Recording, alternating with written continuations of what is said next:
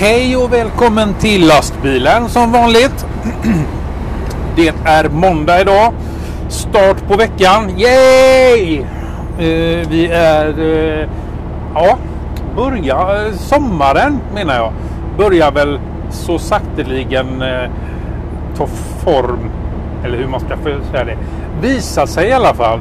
Eh, idag här i Göteborgsområdet så är det en strålande dag. Skulle vilja säga molnfritt men då ljuger jag så det sprutar öronen på mig. Men eh, ändå eh, fint väder. Men det är ju inte därför jag sitter här. Det är ju så att som vanligt så tänkte jag på en sak. Eh, och den här gången så tänkte jag faktiskt på eh, Android Q. Vad den nu kommer att heta när den är färdig. Det vill säga Android 10. Eh, är det i alla fall i ordningen när det gäller siffermängden. Jag har ju blivit med en Pixel 3A. Eh, vilket innebär då att jag har väldigt enkelt kunnat installera eh, och gå med i betaprogrammet för eh, Android och fått då Android Q eller Android 10 ska man nog säga. Jag vet inte. Ja, installerat på, på, på min telefon. För, för det första så får jag säga då att väl, alltså det var ju mycket smidigare att gå in i och delta i betaprogrammet på pixeltelefonen än vad det var på exempelvis eh, min OnePlus när jag gick med betaprogrammet här. Inte för att det är svårt på något sätt eh, på OnePlus.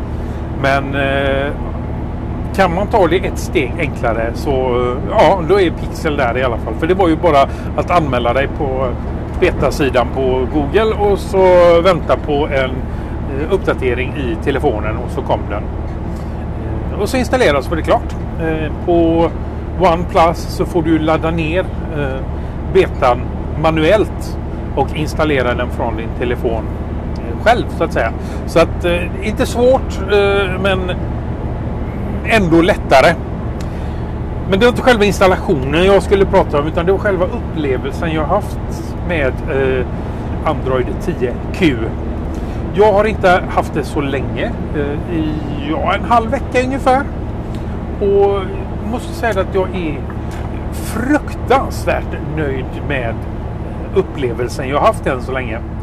Eh, det är inte stora förändringar som har gjorts i form av utseende och funktionalitet sedan eh, Android Pie 9. Man ser inte särskilt mycket om man inte verkligen tittar. Eh, så, eh, ja, men som sagt var, det, det är liksom inte där som den stora förändringen har gjorts utan det är ju som sagt var eh, under skalet. Lite kaffe på det.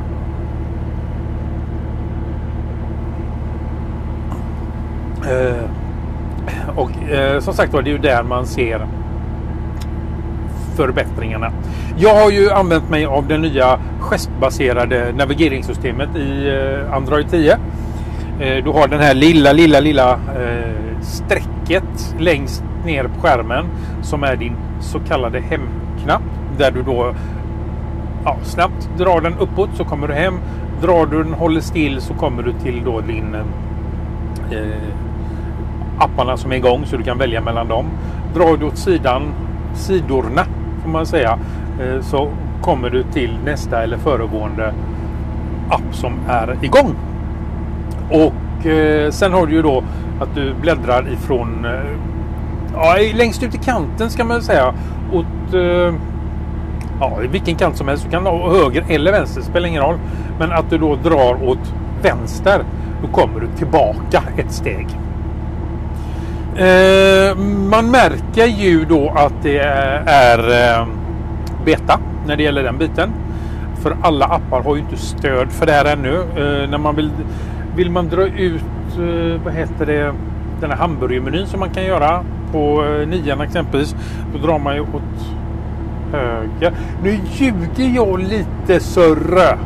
Inte mycket, bara lite. Du eh, drar du åt höger från eh, vänster kant så kommer du tillbaka. Drar du åt vänster eh, på vänster... Här ska vi se. Vi försöker en gång till. Drar du åt om du är på höger sida med fingret och drar åt vänster, då kommer du tillbaka. Håller du fingret på vänster sida av telefonen och drar höger så kommer du tillbaka. Hoppas du fattar det.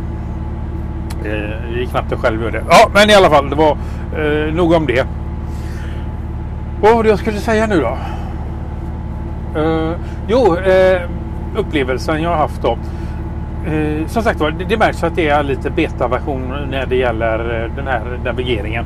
För ibland så funkar det att dra ut hamburgermenyn och ibland så funkar det inte. Och, och ibland så drar den ut hamburgermenyn fast du vill gå tillbaka. Ja, det är lite, ja, lite si och så med den saken.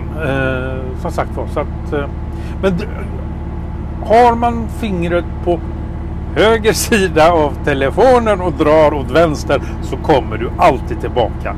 Det kan jag i alla fall konstatera. Det är vänstersidan som kan vara lite eh, knixig ibland. Eh, en annan sak som jag gillar med eh, de nya vad heter det, funktionerna som finns i Android Q. Det delar jag på Android-poddens telegram igår tror jag det var.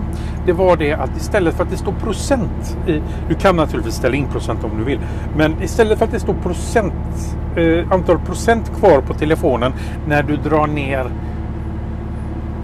vad ska vi kalla den för?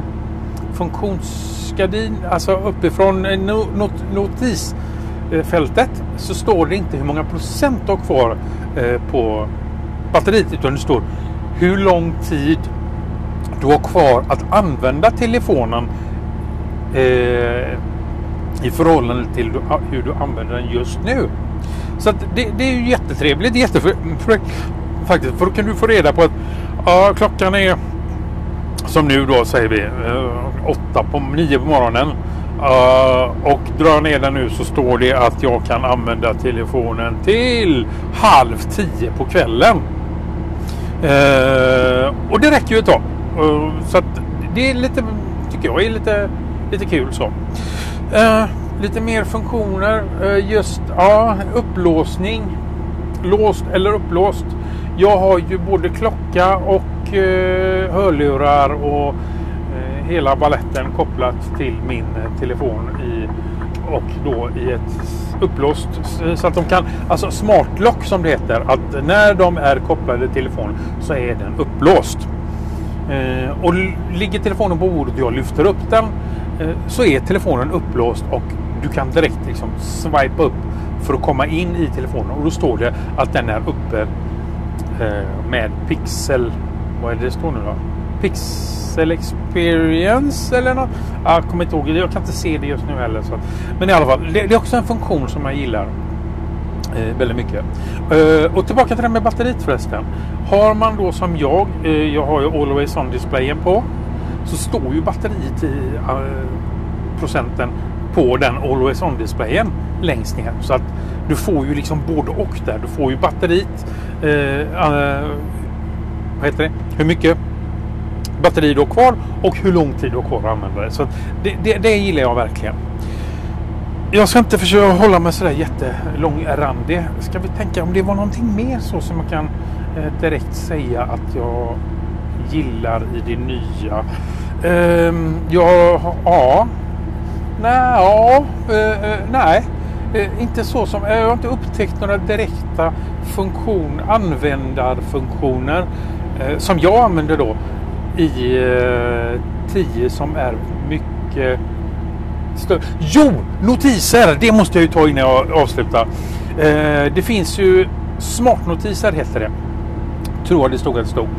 Eh, det innebär ju då att tydligen har jag förstått som att ju viktigare, en, ju viktigare notisen är desto mer ser du av den tänkte jag säga. Men inte riktigt så. Att eh, exempelvis sms, e-post eh, och sådana här saker som kan vara eh, viktiga. De ser du alltid i notisfältet. Att med din ikon eller när du drar ner eh, rullgardinen så ser du då de överst där. Eh, ja, meddelanden och så vidare du kan läsa. Eh, och så, ja, precis som vanligt helt enkelt. Men då har vi de som är kanske lite mindre viktiga för dig. Du har ju de här viktiga, sen har du lite glapp, sen har du de här lite mindre viktiga. De syns inte om du inte aktivt plockar fram dem. Eh, i notisfältet. Så fort du drar ner rullgardinen, ja då syns de. Men så fort du tittar på telefonen utan att ha rullgardinen neddragen så ser du bara de här viktiga grejerna.